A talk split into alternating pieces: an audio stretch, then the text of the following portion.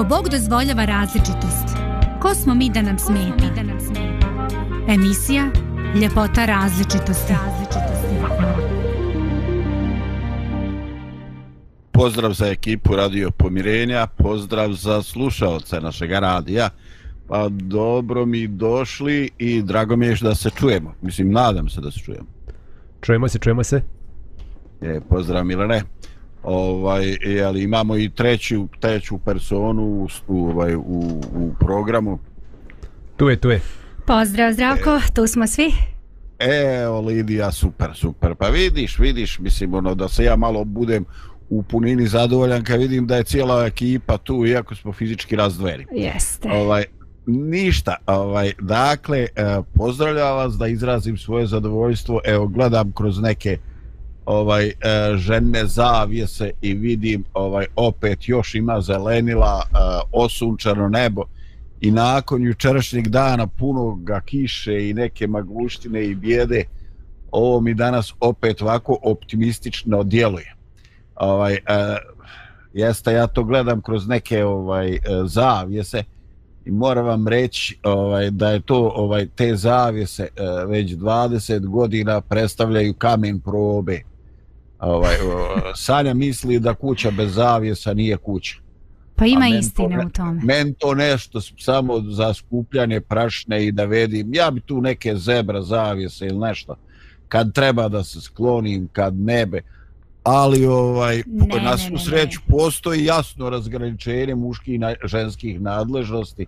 E, to je pa mnogo ja pravo da to kažem da. ja, da. Znači, mnogo mi da. je, Sanju, podržavam, Sanja, ako slušaš, a znam da slušaš, podržavam te da znaš, bez zavesa, bez tepiha, bez onih uh, prostirki, e, nije sad kuća, kuća. Sad si me ubla u poje, majke dom, ovaj, dom. dakle, E, ja dakle, moram, ja sam mislio sam. da je stanja problem, pa za tebe nema nade. Aj sve, znači, dobro zavije se i ovi paravani, još je ona to složila nešto sa zidovima, neka plava nijansa njena obrnuta. Ali što se tiče tepiha u dnevnoj sobi, pa to ti je Lidija katastrofa. Evo, moj doktor kaže, 40 godina sam radio u medicini da bi skontao da u dnevnoj sobi ne treba tepih, da sam skuplja grinje i to. Znači, dnevna soba, sestro draga, treba samo papuče i ništa više. Mani toga, od toga ti djeca dobijaju alergiju. Ali dobro, to nije svako tema našega... Ovaj, Ko je alergičan, on nek skida. Mi nismo i mi volimo, tako da... Još uvek sam na sanjinoj strani. dobro, rekao. E, da, da se pohvalim, kod mene u dnevnoj nema ništa. To je super tamo kad siđeš sa uspavaću iz kreveta s bosim nogama u jeseni proljeće, da se odmah ne šlogiraš hladnim tabarima, ali u dnevnoj sobi papuča i džoger i to ti je ljepota jedna. Vidit jednog dana kad ostariš ko ja pa isprobaš koliko je to praktično. Ali o tom potom da se ne ubjeđujemo, ne mogu ubjedni svoju, a kamoli tuđu. Ali za tepih smo se složili. Eto, čisto da kažem, ovaj koliko 26-7 godina braka, ipak smo neke stvari postigli.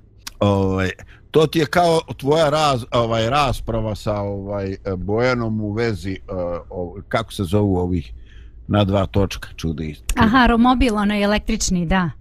Da, ovaj. Jest, jest. Uj. Jest. Ubilo se za slomiti vrat. Al dobro, aj neću. Ovaj društvo vjerujem da ste se ovaj kao ljudi koji misle o životu bar nekad zamislili ili usput još i ovako ovaj kiselo smijehnuli na te neke priče o bezuslovnoj ljubavi. Ajde, kad se govori o bezuslovnoj ljubavi, mi automatski pomišljamo na ovako na intimnu vezu, na, neku, na neko partnerstvo ovaj dvoje ljudi, ali ovaj možda je bolje i univerzalnije eh, da kažemo eh, bezuslovna naklonost. Ovaj jer mi se zamislimo šta je, šta je to uopšte, šta to uopšte znači i možemo li dati neki, neke realistične primjere iz života. Na što se to odnose? Gdje vi to ovaj, prepoznajete? Gdje vi to vidite u životu? Ima li toga? Dakle, značenje koliko toga ima i u kojim situacijama. eto, znate me, ja odma pa u srijedu što kažu sinski alkari. Dakle, šta ćete reći o bezuslovnoj naklonosti? Znao si ti sa mnogo ozbiljnijim pitanjima da kreneš. Mislim, kad kažemo ozbiljnijim, nego onako težim baš pitanjima. On, I ovo je možda, ja bih rekla da je ovo pitanje lagano, ali nije lagano za uh, primjenu. Odgovor, za primjenu nije lagano. A vjerovatno ćemo u toku emisije malo o tome više. Uh, ja sam već jednom spomenula, možda i više puta u emisiji, da mnogo volim naše reči koje objašnjavaju same sebe to mi je tako dobro, bez nekih komplikacija, bez tamo nekih filozofija, učekaj šta beše ona reč, neko tamo, znaš, u potrebi reč, pa onda on kao zvuči, znaš, malo kao, učer, učer. Jeste, on je naš nešto kao malo više od svih ostalih, a ti nemaš pojma, psa, klimaš glavom, znaš šta znači. Ali o, o reči koje... Googlaš ispod stola, jel? Jeste, da. Googlaš šta je ta, da, da, šta da, je da. ta suicidna ideja. E, ja. tako od prilike. To sam prije 30 godina trčao u biblioteku da vidim šta je suicidna ideja, Bože me sačuvaj kad se sačuva. Aj dobro. Da, bolje da nikad nisi, ali et, i to je tako kako jeste. Um, da, volim, volim te reči e, i u ovom slučaju ja bih rekla da vrlo je jednostavno za, za objasniti šta je bezuslovna ljubav. Prošli put smo čini mi se isto počeli sa decom, kako bi malom dete to objasnila. Pa je jednostavno, znači to je ljubav u kojoj nikoga ne uslovljavaš. Voleću te ako ti meni nešto tamo. Pošto ti meni ne, e, neću ni ja tebe. I tako, to je, to je uslovna ljubav, a bezuslovna, bezuslovna ljubav je kad voliš, a mm, ne tražiš ništa. Znači, ne pitaš da li ćeš ti meni da uzvratiš, E, ili ne, nego jednostavno daješ zato što voliš. Sam pojam ljubavi je vrlo abstraktan pojam i možda teško deci za objasniti dok jednog dana to ne dožive, ali je vrlo, vrlo težak za, za objasniti maloj deci, pogotovo današnjim generacijama, vrlo težak, a onda još kad kažeš bezuslovna ljubav, tu već dolazi sad malo do nekih ozbiljnih ove stvari možda o kojima ne znam hoćemo li pričati ili ne, ali možda malo teže za razumeti i prihvatiti. Kad se pomene bezuslovna ljubav, meni prvo pada na pamet uh, ljubav ili naklonost majke prema djetetu, koja obično ne zavisi od toga da li je dijete, znate, pametno ili nije, da li je lijepo ili manje lijepo, da li je poslušno ili neposlušno, pa čak ni da li ima neki ozbiljni invaliditet ili ne, a dijete je uvijek dijete i majka uvijek pokazuje mm. naklonost prema njemu, koja praktično ne zavisi ni od čega što to dijete uradi praktično. To je to je fantastično. Ovaj ajde ja kao ono, ovaj eh, znaš kako kažu najgori od sve djece. Uh, ja sam se ovaj eh, odma prisjetio one scene ovaj eh, kad, kad je beba jako mlada, znači ovaj nekoliko mjeseci. I ovaj i onda ja sam slušao na seli i onda nešto se dijete smije. A ovaj a neki su mi e, doktori objašnjavali da beba u stvari u taj nek početnom periodu nekom ne znam ja koliko to traje možda mjesec ili ovaj ona ona u stvari ne vidi. I kad ovaj tata mama onako ono bu bu čiri čiri ono ono beba čuje zvukove al ne vidi ona to. I ovaj navodno da se ona za roditelje prvo vezuje kroz njihov miris ovaj pa kroz zvuk a te kasnije dolazi ta vizualna identifikacija. I sada ovaj e, ne znam da li ste ikad čuli ljudi na selu kad se tako beba mala ovaj e, e, smije kaže vidla anđela dijete znaš ono čista duša i tako. E sad ja ovaj ne sjećam se sam gledao anđela kad sam bio mali ne znam šta bebe vide znači ne mogu biti pouzdan izvor informacija ali znam da je to nešto čarobno kad beba guguče ovaj i onako e, mliječna, mirisna na mlijeko, baš nešto nestvarno. Da, e sad pogledaj, ta ljubavi ništa ne smeta kad dijete napuni pelen. Razumiješ? A kad smo mi odrasli, pa neko to uradi ovaj, fizički ili, ili, ili psihički napuni pelenu, u mi ne ostajemo ravnodušni, znači mi, mi, mi reagujemo. Dakle, ja bi se potpuno složio s vama. Ovaj, ta bezuslovna ljubav, ako tražimo neku praktičnu primjeru, ovaj, najčešće se odnosi na ro, odnos roditelj dijete i pogotovo se odnosi na onaj period kad je dijete e, totalno nezaštićeno. Jer ovaj, e, šta znam, ja sam u životu rođen na selu pa sam gledao veliku razliku između tih beba različitih životinja, razumeš? I šta znam, ovaj teletu treba neko vrijeme da ustane na noge, na sve četiri noge. I ovaj čim prvi put počne da njuško mi nađe tamo ovaj eh, hranu, ovaj na majčinom vimenu, o dobro je, znači prvo ustalo je, prva etapa, drugo počeo se hraniti, riješena stvar. Pile izađe čoveče iz jajeta i malo malo ono pijuče, hoda i tako, čim se osuši ona njegovo papirje. A, ta, a da ne govorimo o divljim životinjama. A čovjekovo mladunče, pa ono je nesposobno za život, znači apsolutno ne može, nema, nema govora o nekom uh, samostalnom opstanku i, i, i nešto. Dok kod nekih drugih, kažem, životina, nakon jako kratkog vremena, beba se otiskuje u neki samostalni život. E sad, mm. zašto je to tako po Božoj promisiji udešeno i šta to treba da nas nauči, o tom bi se ovaj eh, o tom bi se moglo pričati. Ali ovaj eh, kako god eh, znači mi to na neki način u životu prepoznajemo i ovaj eh, problem i pitanja eh, dolaze tek kasnije kad želimo to isto primijeniti na odrasle ljude znači na, ovaj, na tinejdžere i pogotovo na one u srednjoj ili u starijoj dobi.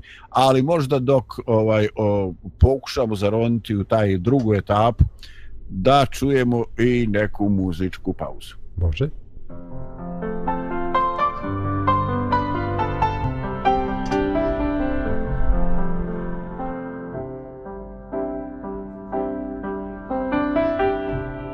Kada gledam tvoja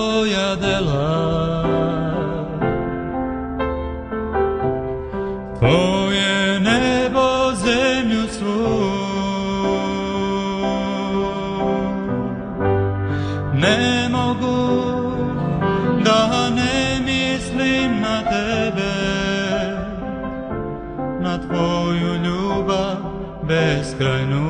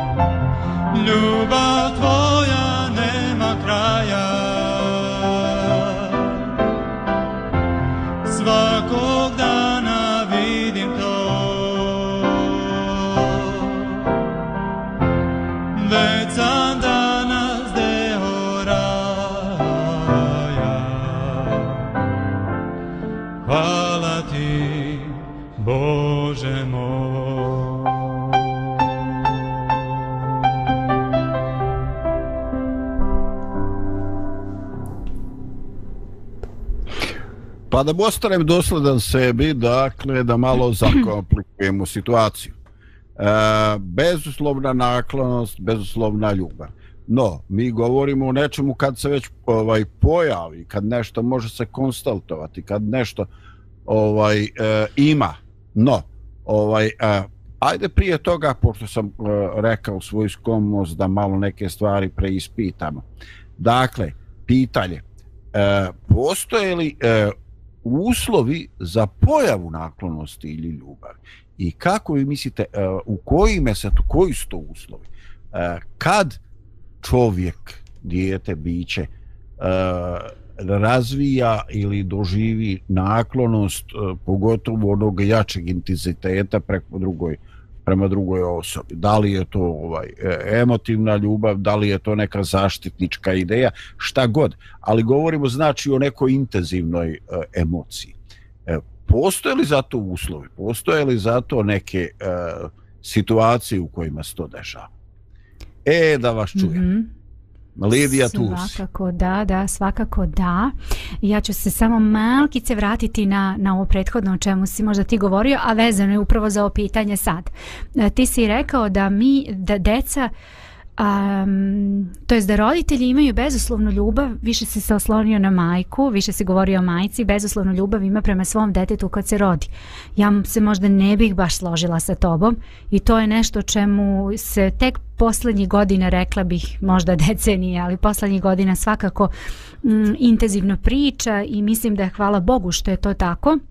A to je, naš ranije su, o, čim se beba rodi, mama ima neki osjećaj, ona to dete voli, to je dete njoj drago, to je nešto što se ne može opisati.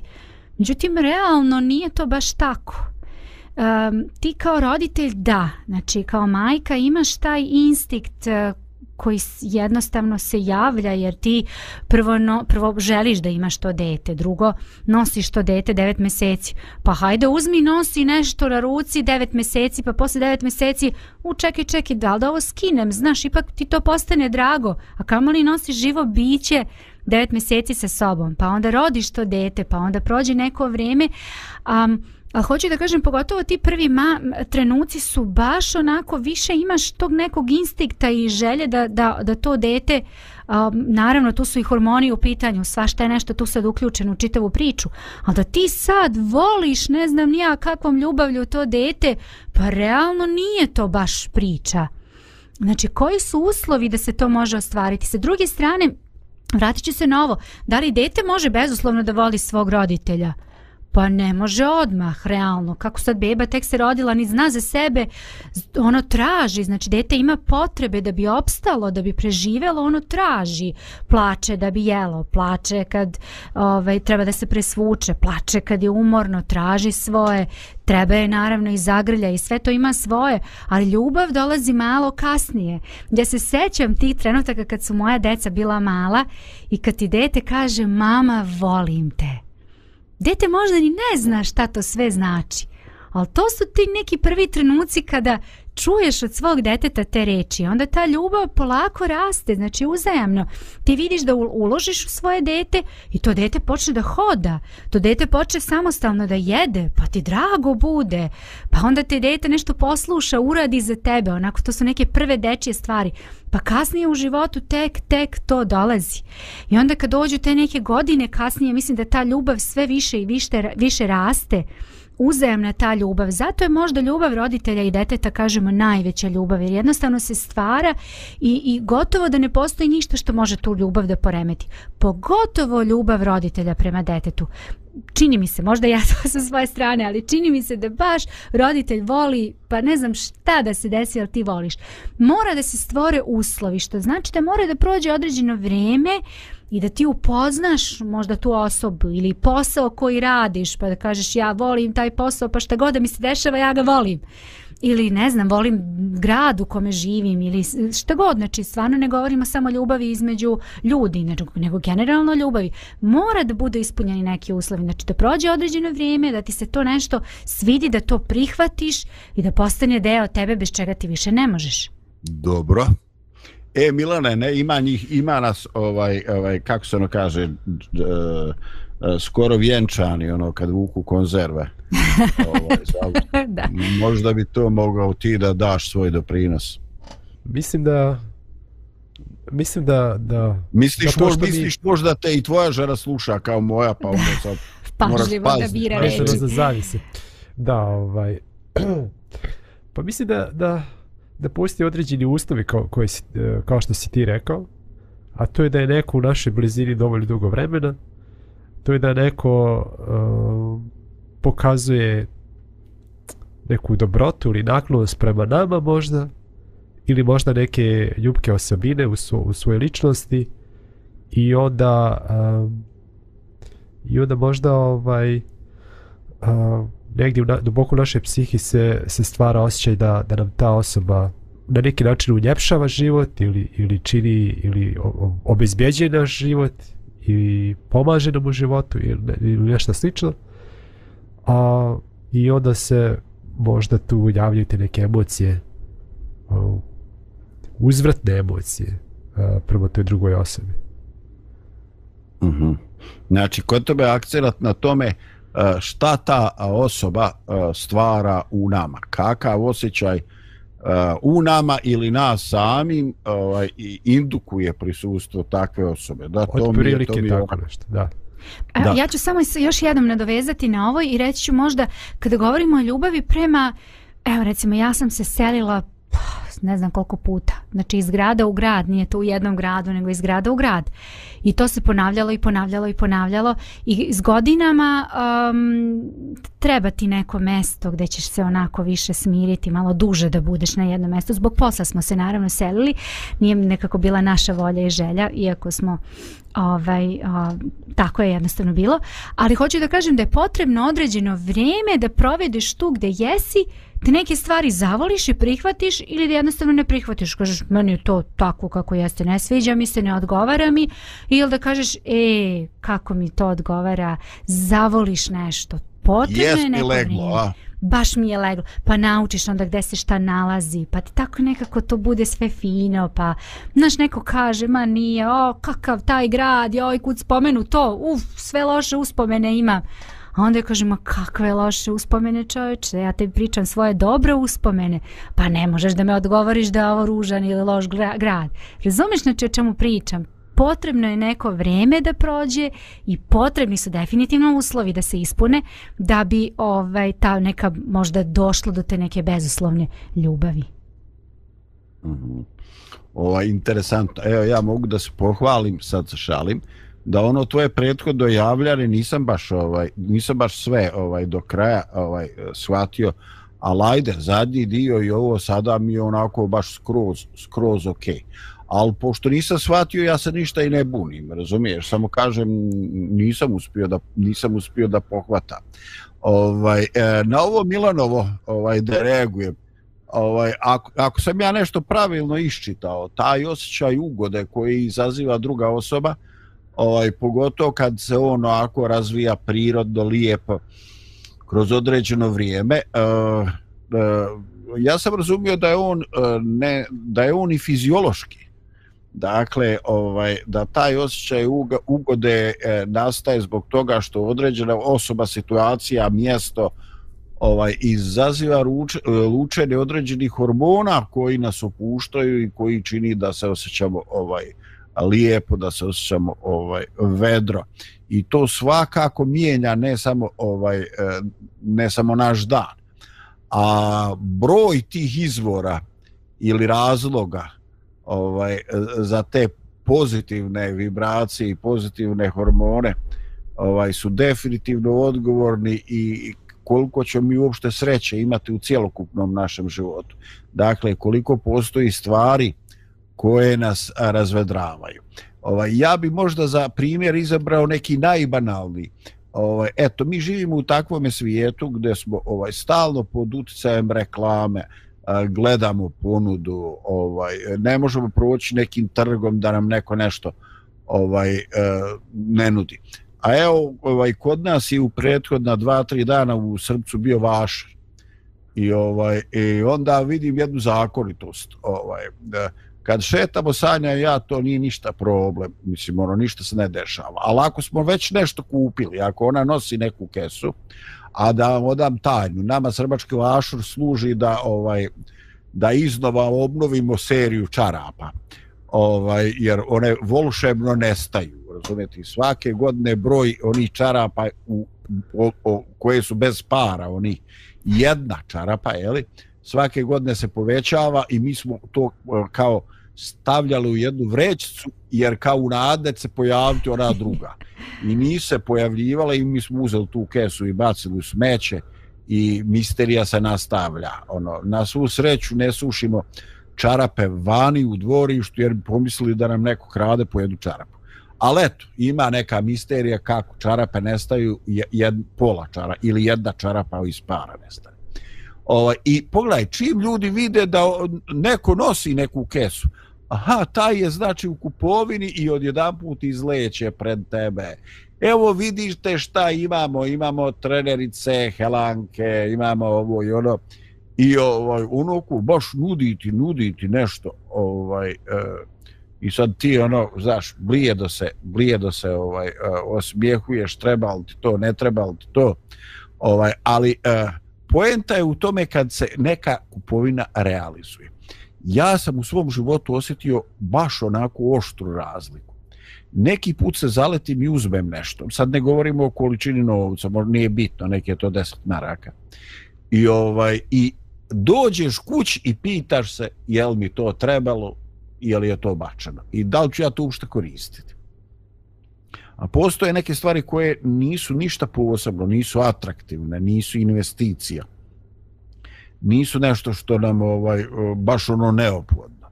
Ali znači e, veliki broj puta kad se sretnemo, kad uzmemo da koristimo tu taj predmet ili to, o, mi osjećamo zadovoljstvo. To nama na neki način olakšava situaciju, olakšava nam neki posao ili nam se dizajnerski dopada kako je urađeno.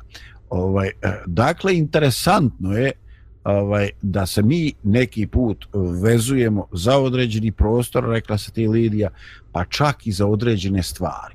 Eto, ovaj, mi se, e, mi se ovaj, jednostavno navikavamo i to je dio neke naše stabilnosti, neke naše predvidivosti, nekog našega pripadanja prostoru, prostoru i vremenu. I lijepo je što je tako. No, Kad ste spomenuli uslov da se pojavi naklonost, pogotovo neka intenzivna naklonost, onda ste rekli da su da je razlog te naklonosti neki uslov. E sada, kako mi možemo govoriti o bezuslovnoj naklonosti i uslovima ako se mijenjaju uslovi koji su izazvali tu naklonost? Šta ćemo sad? I pogotovo kaže, obećali su jednom drugome vječnu ljubav ljudi moji, ja ne znam, možda vi ženski svijet to razumijete. Ja tu ništa ne razumijem. Kako će vječnu ljubav obećati neko ko nije vječan? Razumiješ, ne zna koliko mu je godina još ost... i on nešto obećava vječnu ljubav. Razumiješ me? Ili klekne pred njom ko pred princezom, a ovaj nakon ovaj sedam dana braka neće ne, neće mu ni pas na pamet da je tretira kao princezu. Mislim nisam ni siguran da treba. Ali šta se to dešava s nama? Šta uopšte znači ta obećanja vječne ljubavi, ovaj bezuslovne ljubavi. Koliko je to uopšte realistično kad se govori o ljudima koji su skloni promjeni, koji se i sami mijenjaju i mijenjaju se i, i ljudi s kojima oni ulaze u veze. Šta to uopšte znači? Milane, evo ti si svež, ajmo da čujemo ti, verovatno još uvijek si u toj večnoj ljubavi. ne, ne, u večno, da, da, u, toj, ovaj, u prvoj, da, da. prvoj. Pa da, u toj priči, ono večnu ljubav ti obećava. Milane, koliko je prošlo od, ovaj, od ženitbe? A... Koliko mjeseci? Evo, broji, čekaj. Čoveč. Sedam mjeseci. U čoveče. Čoveče, se, pa meni su čuli da je to bilo skoro prije dva, tri mjeseca. Možda si ti saznao pre dva, tri mjeseca. pa dobro, znam ono kad je bio tamo u Brazilu, pa ono ga zavitlavalo, jel ti to dovodiš ili sam pokazuješ? Ali dobro, ovaj, dakle, upoznaješ ljude, e, mijenjaš se, ovaj, kako onda, s kojom argumentacijom i logikom pričaš u nečemu da će, da će, ovo, da će trajati. Pa dobro, e, sad recimo sad kad spomenješ te stvari, zaista se i kad se, i se, kad se sklapa bračni zavjet, daje se, daje se neko obećanje, jel tako? Daje se obećanje mm -hmm. ljubavi u svim okolnosti i vjernosti u svim okolnostima života. Sad ja to da ukratko sažmem. A, I sad kako to neka osoba može da da, a, možemo reći sad je to obećanje rezultat nekih trenutnih osjećanja, a ta osjećanja se promijene, kao što ti kažeš, nakon sedam dana i, i šta onda.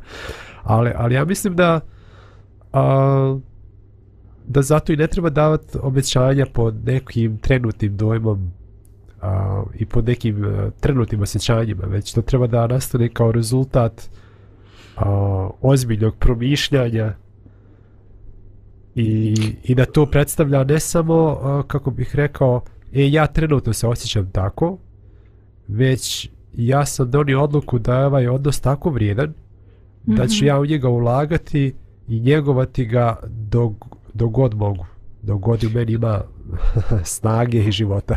Od prilike... Dakle, to je, to je već, ovaj, pa to što ti pričaš, više nije e, toliko na terenu osjećanja, to već tako prelazi je. na teren principa određenog. Tako odluke i principa. Tako je.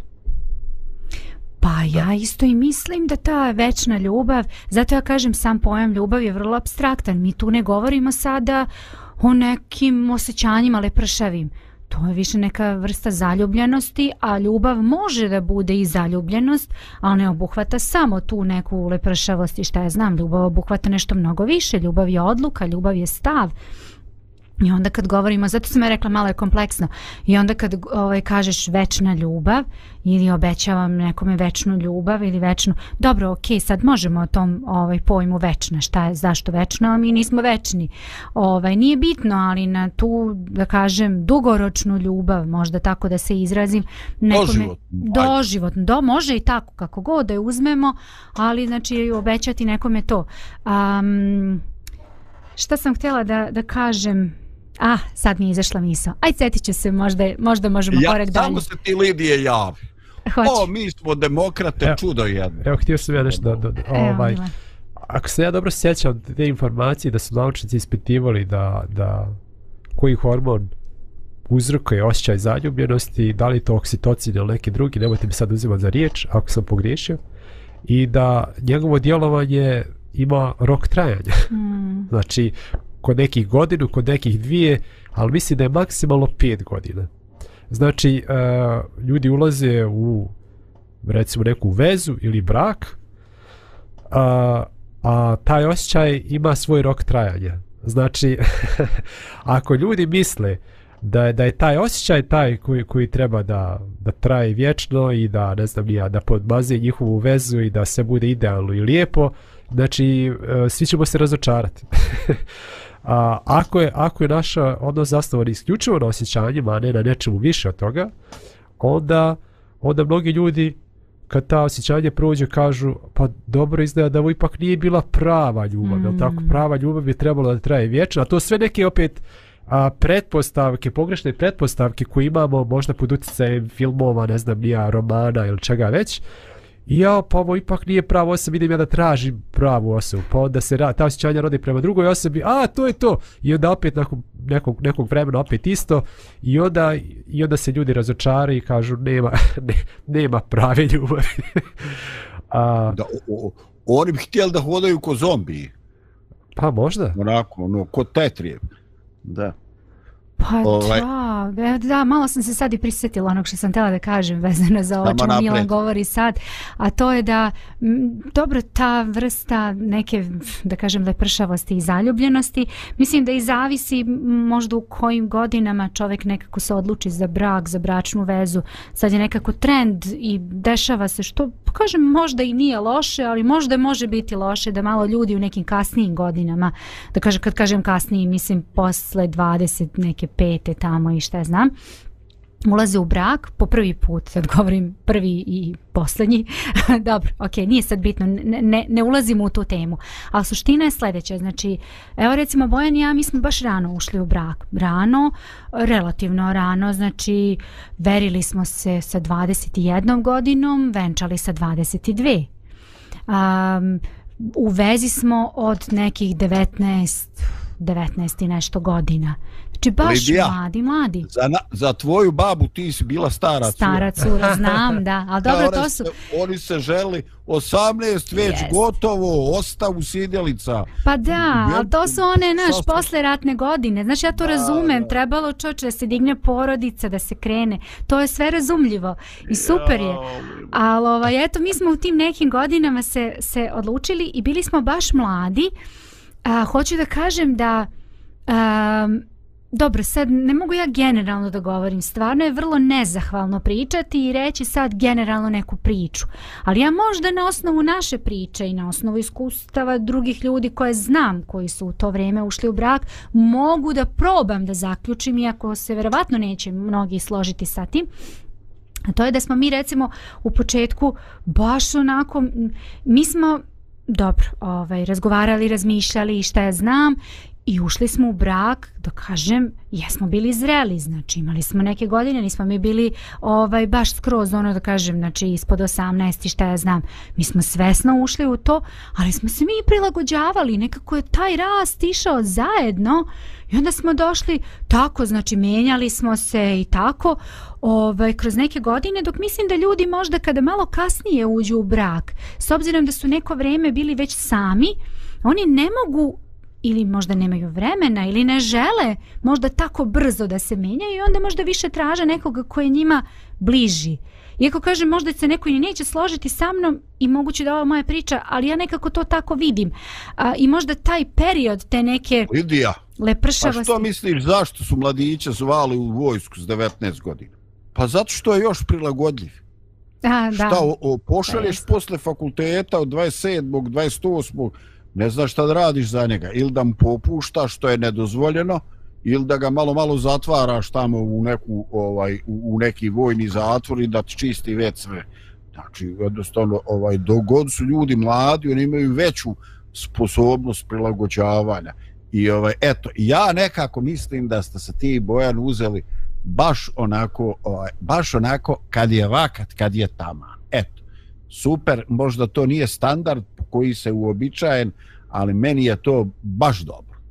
Još uvijek ste dovoljno fleksibilni za prilagođavanje i za neko stvaranje zajedničkih vrijednosti. Pa jest. I ja bih se s tobom složila. e, super. da, da. Ali u kontekstu ove priče, samo možda da još rečenica dve kažem i, i zaokružujem tu misao, a, a to je da čini mi se da taj period zaljubljenosti u tim mlađim godinama možda može i da potraje malo duže, a možda u nekim kasnijim godinama možda i ne, ali jednostavno ljubav je nešto što što ti prihvatiš i kažeš to, to je tako, ja, ja, ja to tako osjećam, doživljavam, želim, odlučujem. I to je to, znači ideš sa tim dalje kroz život i to je to. Ovaj, da, ovaj, već sam mislio da ti platim piće, ali sad s ovim zadnjim se ga izgubila mogu ljudi u poznim godinama da se ovaj da se uh, zaljube ne rad toga i da stvaraju traž, trajne stvari. Ovaj uh, nego upravo rad toga.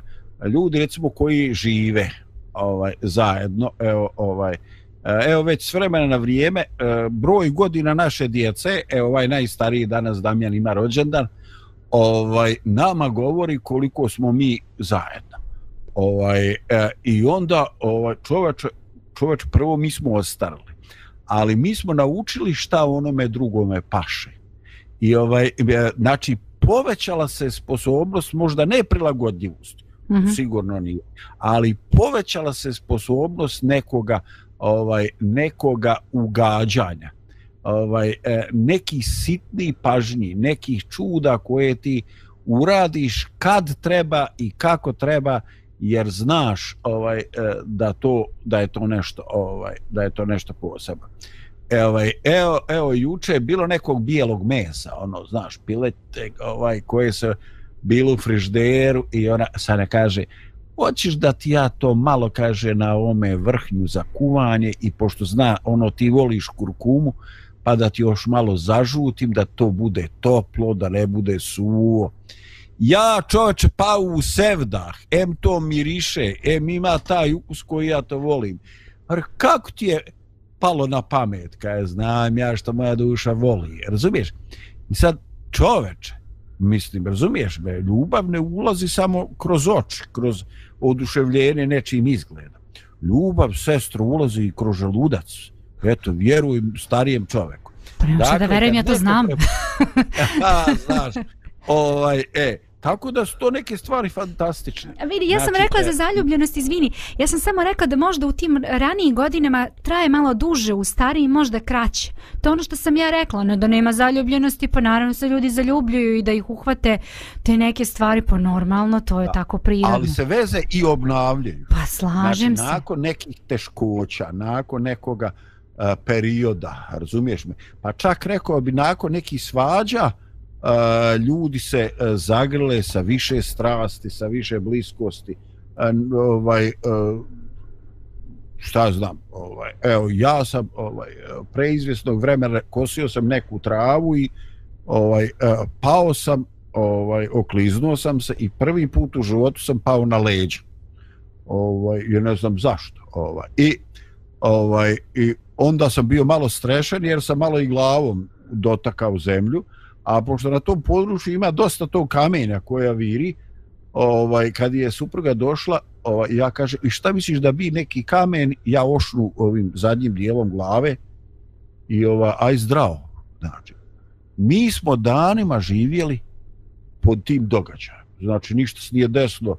Ja sam ovaj ustao zadnji, sljedeći par sati ovaj posmatrao da li će se povraćati. Ako mi se bude povraćalo, moram otići u hitnu, stresao sam ovu ovaj glavurdu tako sve je bilo dobro nije taj udarac bio jak znači ja sam se i trzajem vratnim mišića zaustavio malo ali ovaj nakon tog ovaj doživljaja znači neki put moraš otresti travom glavom od travu ovaj da bi vidio koliko vi u stvari trebate jedni drugime i koliko je nezamisliva misao da neko nekoga izgubi.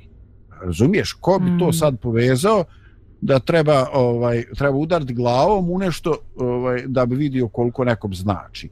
Mislim vrijedlo je stvarno, ono nisam razbio glavu, a shvatio sam koliko znači svojoj supruzi. Odmah no, sam bio bijelog mesa taj dan.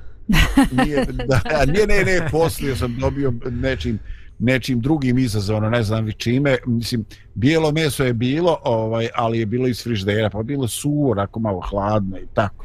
Ali znači ta dodatna investicija u nešto što neko voli i tako. Yes. Ok, ovaj, Milane, ovaj, ajde, opet ću krenuti o hrani, a, ovaj, a to ne valja nikako, ovaj, e, puštaj nam neku muziku, pa da idemo na neke još realnosti života. Ide muzika. Radio, radio pomirenje.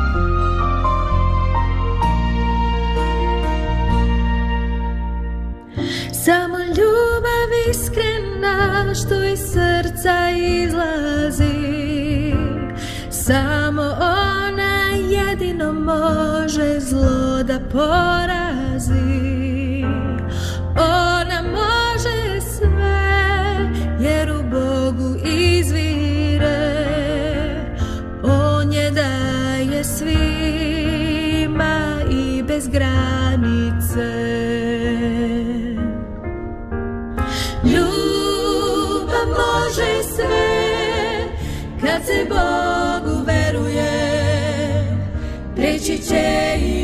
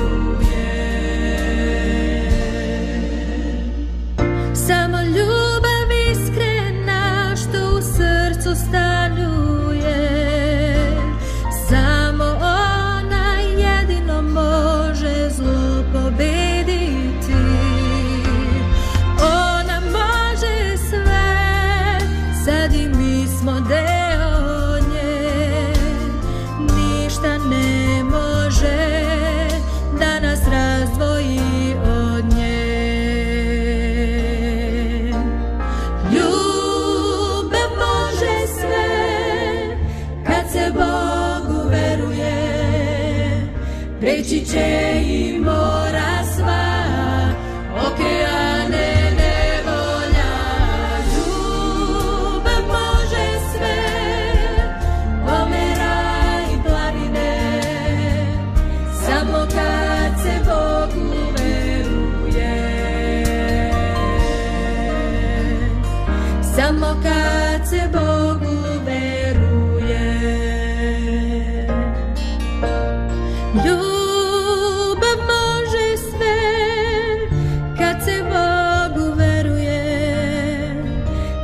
take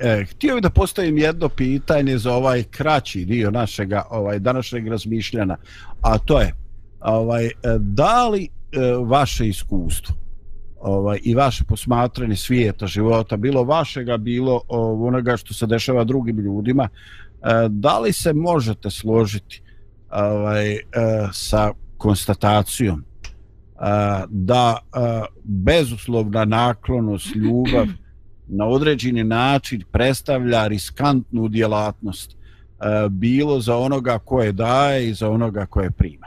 I sad- Na šta misliš konkretno? mislim na riskantnu djela, djelatnost. Znači, može li to donijeti određene probleme i onome koje daje, pruža i onome ko prima. Ima, je li to baš onako sve super ili ovaj ili, ili može to da se e, okrene na loš?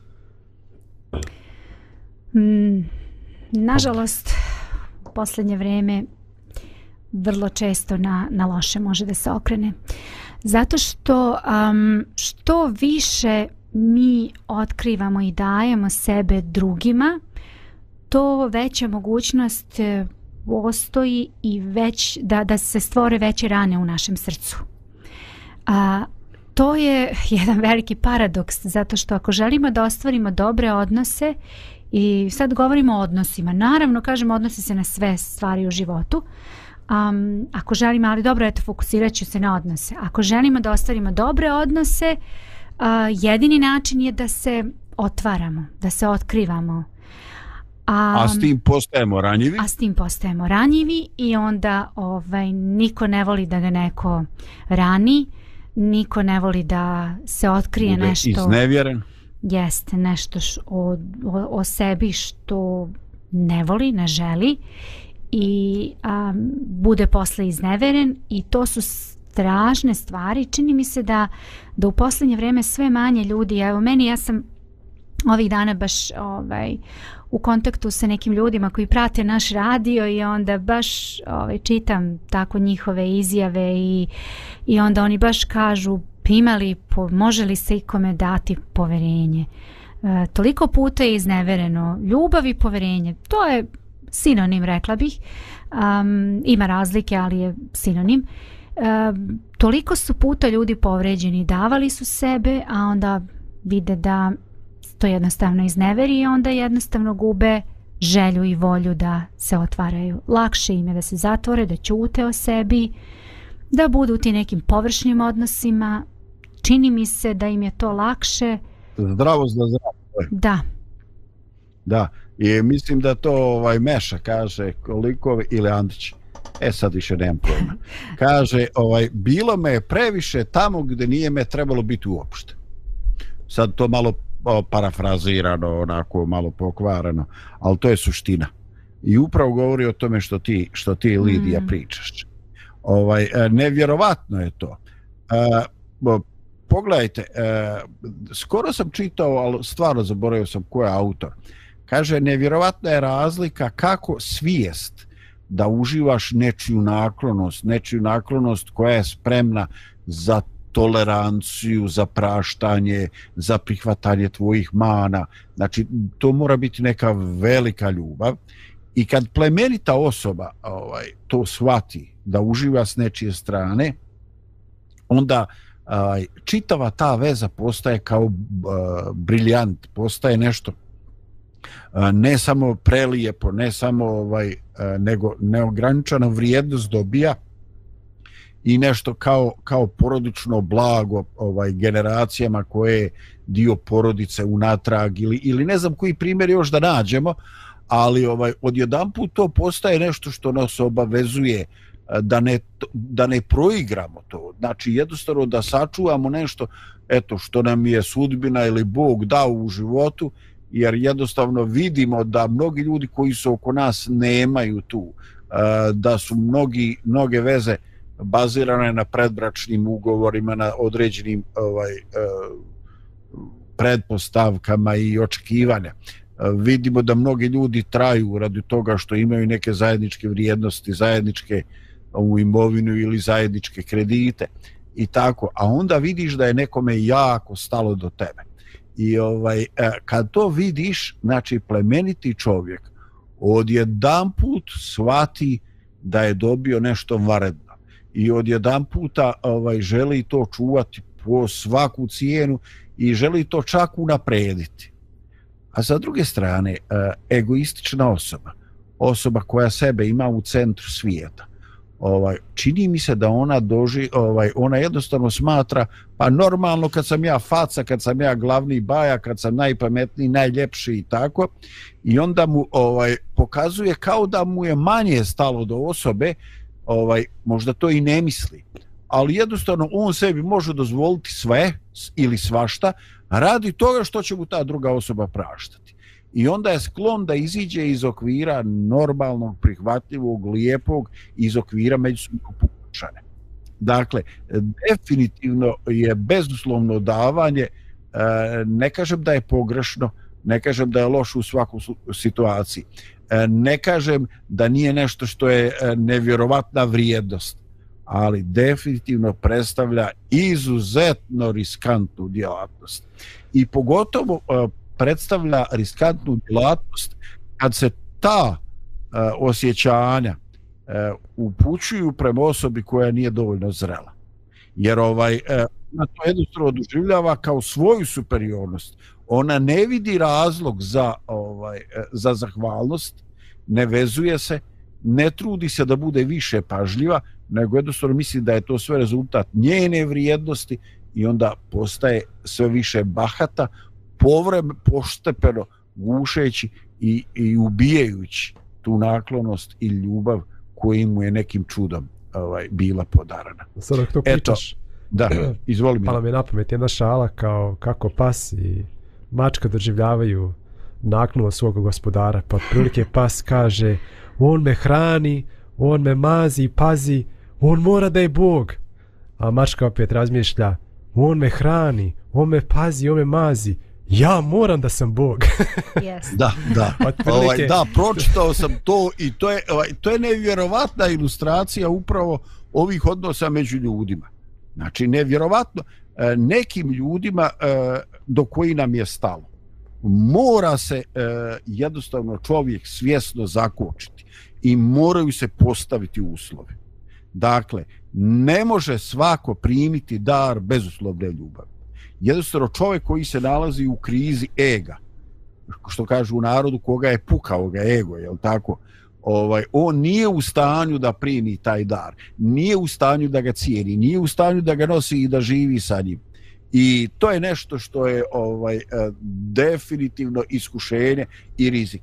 Dakle, ljubav prema drugoj osobi nas tjera da budemo e, na neki način e, oprezni koliko drugim ljudima dajemo i koliko je ovaj uopšte oni mogu da prime. Ovaj i definitivno ćemo opet imati nekoliko minuta ovaj manjka prostora. Ovaj eh, pa ću ja da vam se zahvalim eh, za doprinos eh, svjestan da bismo imali još to što da kažem. Svakako. I eh, da završim ovaj sa eh, nečim što je neizbježno. E, sve te definicije o kojima smo govorili, svoje ishodište ili porijeklo imaju u tim e, religioznim idejama. Uh, u knjizi proroka Jeremija e, se govo ističu Božje riječi i kaže se odavno mi se javljaše gospod ljubim te ljubavlju vječnom zato ti jednako čini milost A u knjizi proroka Izaije, koga, koga zovu evanđelistom Novog Zavjeta, nalazi se još jedan stih koji čitam iz Jerusalim, prevoda Jerusalimske Biblije i koji kaže Može li žena zaboraviti svoje dojenče? E, ne. E, ne imati sućuti za čedo utrobe svoje. Pa kad bi koja i zaboravila, tebe ja zaboraviti neću. Opet e, Božje riječi.